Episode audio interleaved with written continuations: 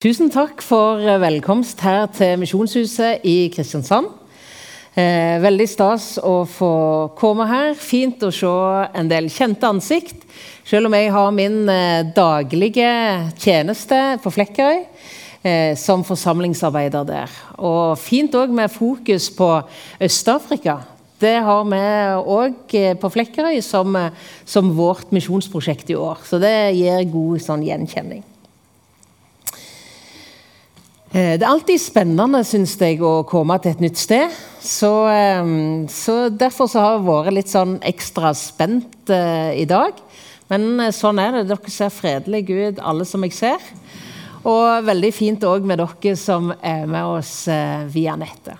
Velkommen til dere òg. Jesus, vi takker deg for det som du allerede har gitt oss.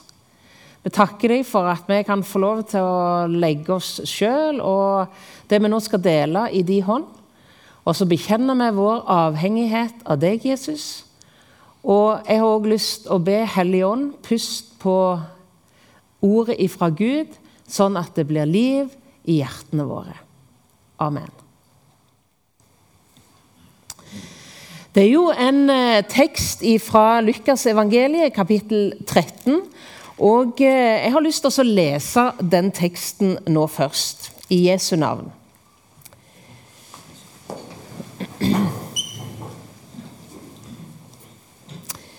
På sin ferd mot Jerusalem drog han gjennom byer og landsbyer og lærte. En sa da til ham, Herre, er det få som blir frelst? Men han sa til dem, Strid for å komme inn gjennom den trange dør.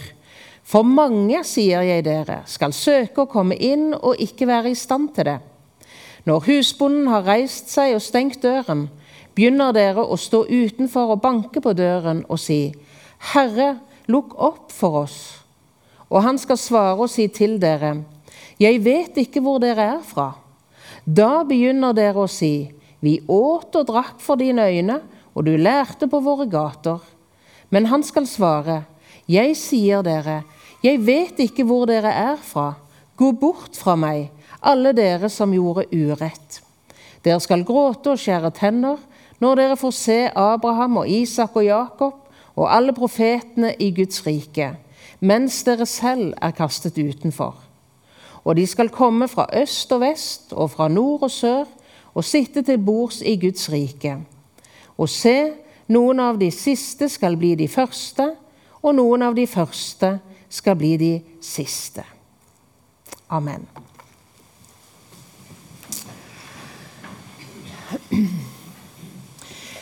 Mange mennesker ser vi kommer til Jesus med sine spørsmål. Og jeg synes Det er så flott å se at de som kommer til Jesus med sine spørsmål, de blir ønska velkommen, og de blir tatt på alvor. Og Samtidig så er det òg ganske gjennomgående at de som kommer til Jesus med sine spørsmål Det er ikke alltid at de på en måte får et direkte svar på det de spør om. Det er av og til at Jesus svarer annerledes. Eller at han flytter fokuset litt. Tenk på Nikodemus. Når han kommer til Jesus og så sier han, 'Mester, vi vet at du er en lærer som er kommet ifra Gud. For ingen kan gjøre sånne tegn hvis ikke han kommer ifra Gud, hvis ikke Gud er med han. Og så bare liksom snur Jesus fokuset, og så sier han hvis en ikke blir født på ny, så kan en ikke se Guds rike. Eller tenk på den samaritanske kvinna som vi leser om i kapittelet etterpå, i, i eh, Johannes evangeliet kapittel 4. Hun begynner å utfordre Jesus på er det rett å be Jerusalem, sånn som jødene sier, eller er det i Garizim her i Samaria? Og Så kommer Jesus fra en annen kant og så sier han, det handler ikke om hvor du tilber, men det handler om å tilbe i ånd og sannhet. Og Sånn kan vi se mange ganger, og jeg føler det er litt av det samme som skjer i denne teksten her, som på mange måter kaster et, et tungt alvor inn over det å være et lite menneske. Det å være et menneske som er på vei imot en evighet. Men så kommer Jesus altså i svaret på det spørsmålet som på mange måter var et ganske vanlig spørsmål, har jeg lest. Det var en diskusjon iblant fariserene spesielt. Hvor mange er det egentlig som blir frelst? Og Så er det en representant som setter ord på dette til Jesus. Og så svarer på en måte Jesus ikke ved å si noe om antallet i forhold til hvem som blir frelst. Men det er akkurat som at Jesus han flytter fokuset. Og så handler det ikke lenger om hvor mange, men det handler om betydningen av å bli frelst. Det handler om hvor viktig det er å ta imot Jesus og gå inn gjennom denne porten som beskrives. Jeg kan bare innrømme at jeg syns at dette var en vanskelig tekst. Et dypt alvor. Og Samtidig så leste jeg litt rundt akkurat den teksten som vi har her. Og Det står at eh, mens Jesus er på vei til Jerusalem Hva er det som skjer? Hva er det som skal skje i Jerusalem? Jo, Jesus sine hender, Jesus sine føtter, blir festa til et kors. Han er på vei til den siste påsken. Han er på vei for å gi livet sitt. For å frelse alle mennesker. Så står det om høna ikke sant? som ønsket å samle kyllingene under vingene sine. Et bilde av Guds hjerte som ønsker sånn kontakt med mennesket. Som ønsker sånn å frelse, som ønsker sånn å redde. Og så fortsetter vi i kapittel 15, ikke sant? Du kjenner kanskje Lukas 15, der Jesus forteller om hyrden, gjeteren som hadde 100 sauer, gikk ut for å finne den ene som hadde gått seg vekk om kvinner som hadde ti sølvmynter. Og så gikk hun og snudde huset opp ned, for hun kunne ikke finne den ene. Og så avsluttes den med mannen som hadde to sønner. Den ene som gikk vekk. Og den fantastiske gleden som faren viser når han kommer tilbake. Det er som at, eh, at Gud på en måte åpner hjertet sitt, og så sier han 'Jeg vil ha kontakt'. Jeg ønsker fellesskap med mennesker som er skapte. Jeg ønsker fellesskap, et evig fellesskap, med ethvert menneske som har fått livet. Og På vei inn i Jerusalem, i Lukas 19, så leser vi om at disiplene observerer tårer som renner nedover Jesus sitt kinn. Hvorfor gjør det det? Jo, fordi at Jesus hadde rekt hendene sine ut imot et folk som avviste han i stor grad. Gud vil frelse.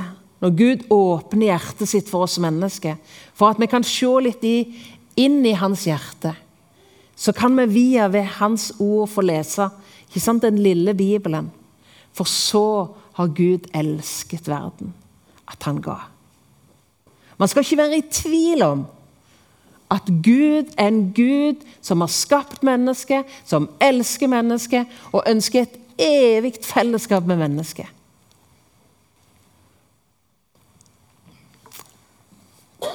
Så møter vi òg en Gud som eh, viser veien til frelse. Som viser oss at frelsen handler om Jesus. Det er så eksklusivt. Jesus han sier, 'Jeg er veien, sannheten og livet'. Ingen kommer til Faderen uten gjennom meg. Apostelgjerningene i den første kristne tid, når misjonen, evangeliet, begynner å gå fra menneske til menneske, fra by til by, fra bygd til bygd, fra kontinent til kontinent så er det navnet Jesus. Sant? Det er navnet Jesus det handler om. Hver den som påkaller Herrens navn, skal bli frelst. Det fins ikke frelse i noen annen. Det er ett navn til frelse. Så eksklusivt. En liten parentes. Eller det er kanskje ikke en parentes heller, men det var en tanke som jeg fikk, og som jeg jobbet litt med i forberedelsen her. I Det gamle testamentet så kan vi lese om en Gud som ønsker fellesskap med sitt folk. Med israelsfolket som han hadde valgt ut.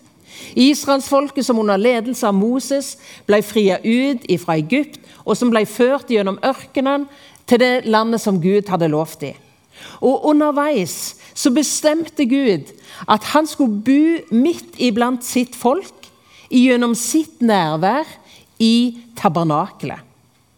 Så kan du lese i 2. Mosebok kapittel 25, du kan lese i kapittel 27 ja, I mange kapittel der i andre Mosebok om hvordan dette tempelet eller dette tabernakelet skulle bygges. Og så var Guds hensikt Den leser vi ganske tydelig. Guds hensikt med tabernaklet det var jeg vil bo iblant dere. Jeg vil bo iblant dere i tabernaklet, i det aller helligste. Og I fjor høst så var jeg i Eilat i Israel. og Da var vi en tur til Timna Park. og Der så vi dette tabernaklet som det her er bilde av som er bygd i ørkenen der, etter noenlunde de målene som man finner i Bibelen. Og det er et stort, som dere ser, et stort omheng rundt tabernakelet, rundt den store forgården, hedningene sin forgård. Poenget Gud ville bo iblant sitt folk. Og så kjenner vi historien Sånn som det står i Johannes evangeliet, kapittel 1 og fra vers 14. Der står det om den Gud som har et hjerte for fellesskap med mennesket som han har skapt.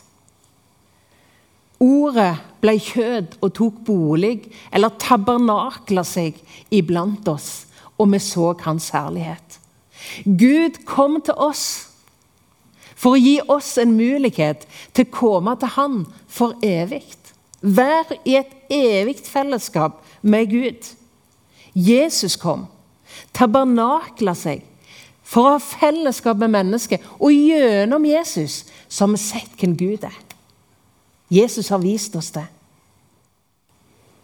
Så kan vi gå tilbake igjen til ørkenen, Timna Park. Har du anledning en eller annen gang når koronaen demper seg litt, så reis gjerne til Eilat, reis gjerne til Israel. Reis gjerne en tur ut og se dette tabernaklet.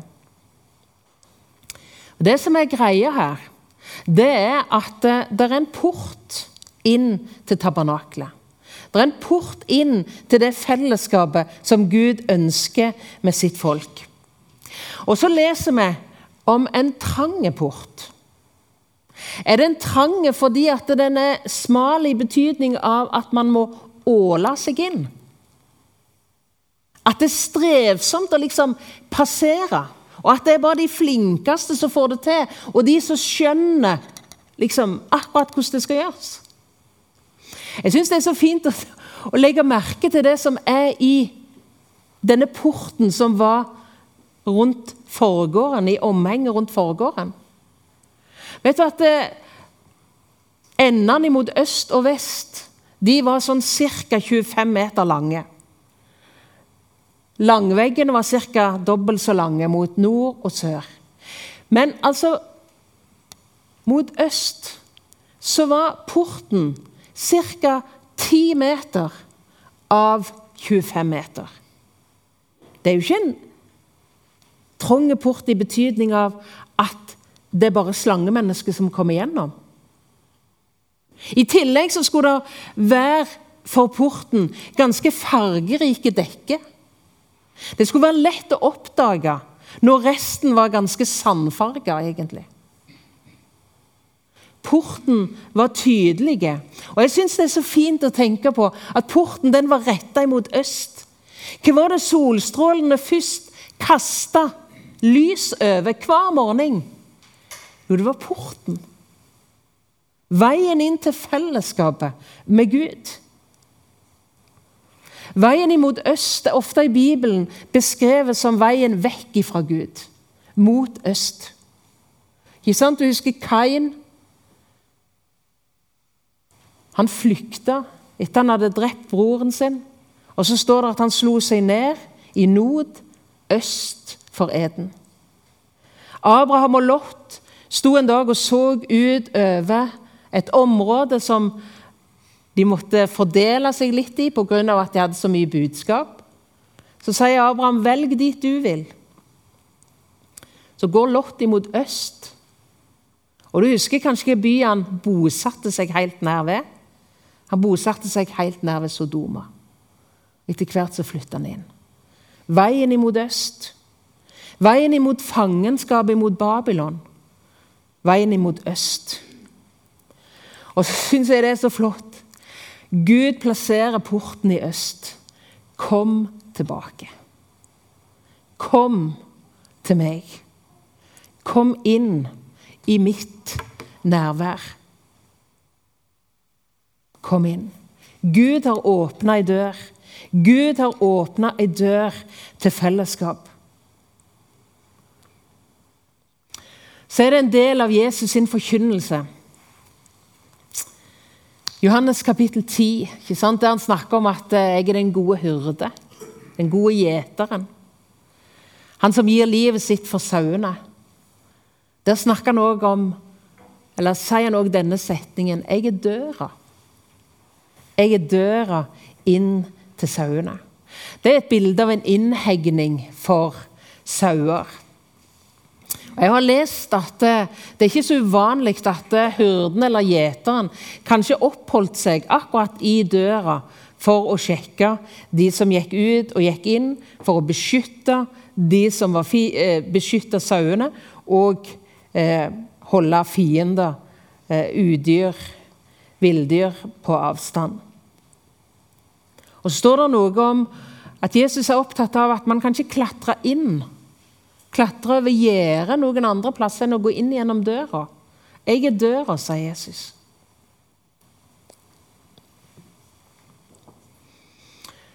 Hvorfor er den trang, denne porten som vi leste om i teksten?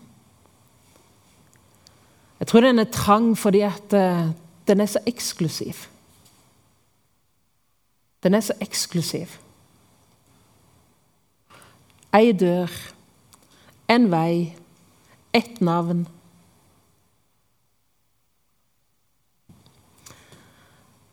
Når Jesus fortalte om sin egen rolle når han gikk her på jord og forkynte, så står det ved et tilfelle dette er harde ord. Hvem kan høre dette? Klatre over andre plasser. Det er jo det vi prøver på som mennesker mange ganger. sant? Vi prøver å gjøre så godt vi kan. Og så må jo Gud være fornøyd. Det står ingen plass i Bibelen at det er sånn det er. I dag er det bots- og bededag. En dag for ransakelse. For noen så er det kanskje sånn at eh, porten det blir liksom min egen bot og bedring, på et vis. Eller man tenker at eh, ja, jeg har nå funnet en vei om Den kanskje ikke handler så veldig mye om det som står i Bibelen, og sånn, så, ja, så går det sikkert greit til slutt. Den teksten som vi har i dag, sier noe om en port som er eksklusiv. Om en vei som er eksklusiv. Ikke fordi at Gud ønsker å skjule den. Ikke fordi at det er bare for noen helt spesielle personer men noen helt spesielle egenskaper. Men det er knytta til en person som er både døra og veien og eier frelsernavnet. I USA, i Williamstown i Kentucky, så er det bygd opp ei ark som er eh, noenlunde akkurat samme mål som eh, de ark, den arken som man, som man eh, tenker og leser om at Noah bygde. Vi i begynnelsen av første Mosebok. Denne her ble et, ja, det, det, er en, virkelig en attraksjon. Det ene er det du, det du ser uten, eh, fra utsida, men når man ser det innenfra, så er det et, et fantastisk å besøke akkurat dette. Men i alle fall Noas ark. Underlige greier. Han bygde unna ei tru på at det er nødvendig.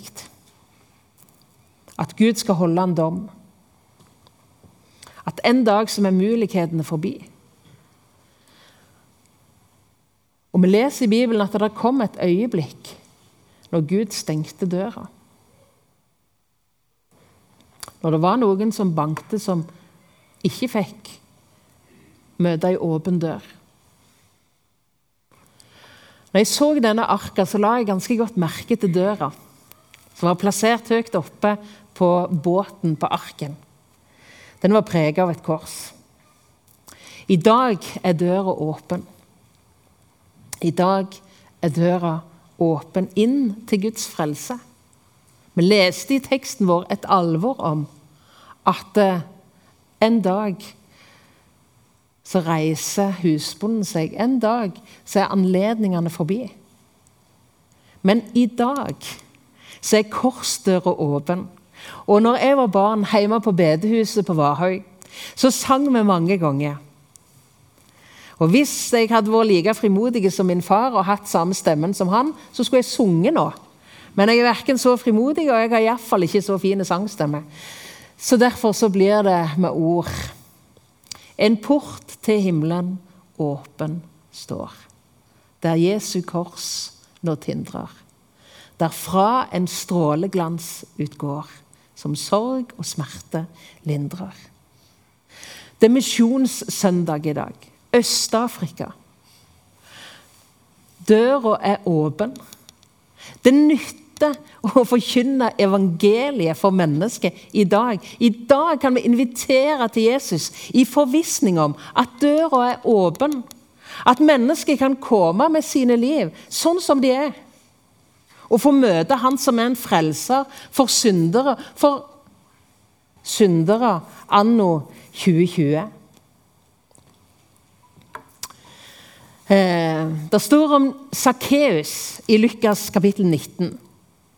Sakkeus brukte den siste anledningen når Jesus gikk her på jord, legemlig, igjennom Jeriko. Sakkeus visste ikke at det var den siste anledningen. sånn sett. Men han hadde så lyst til å se Jesus. Så gikk han opp i dette treet, ikke sant? Og så opplever han ikke bare at han får et glimt av Jesus, men tenk han opplever at Jesus med hele sitt følge stanser ned forbi hans tre. Og jeg ser for meg sant, at pulsen Hadde han hatt pulsklokka, så ser jeg for meg at den hadde gått ikke sant, ifra Kanskje, Han var nok litt spent i utgangspunktet, men det er klart den hadde jo rast av gårde. Sakkeus. Han vet hva jeg heter. Han vet hva jeg heter. Tenk at Jesus kjenner meg. Sakkeus, skynd deg å komme ned. I dag vil jeg ta inn hos deg. I dag vil jeg besøke deg, Sakkeus. Sakkeus brukte anledningen sin. Han ville så gjerne se Jesus. Og tenk at det er så, fantastisk at det var så gjensidig.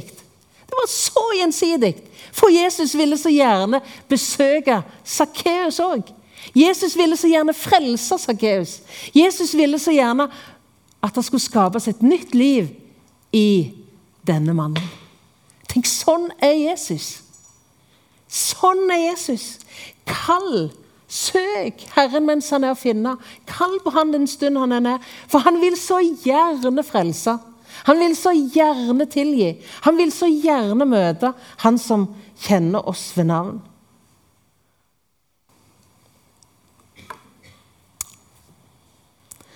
Ennå i dag så hører vi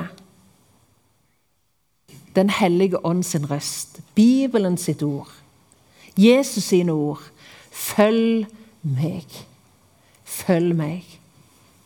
Så går det budskapet ut i dag.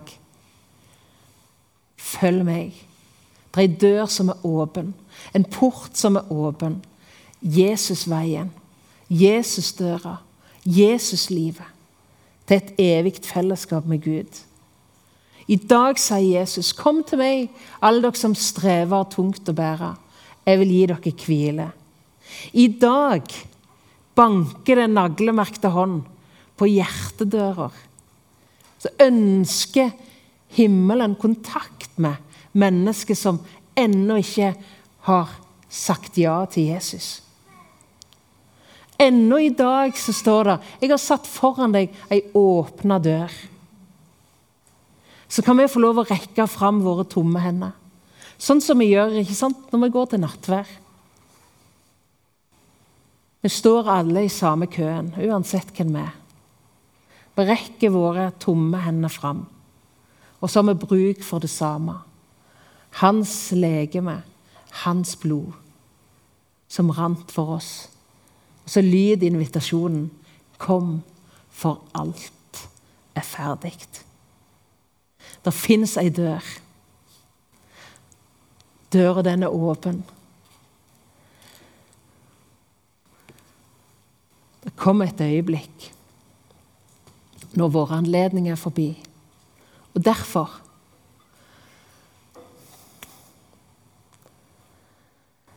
så handler det om å bruke anledningen til deler dele og til å ta imot.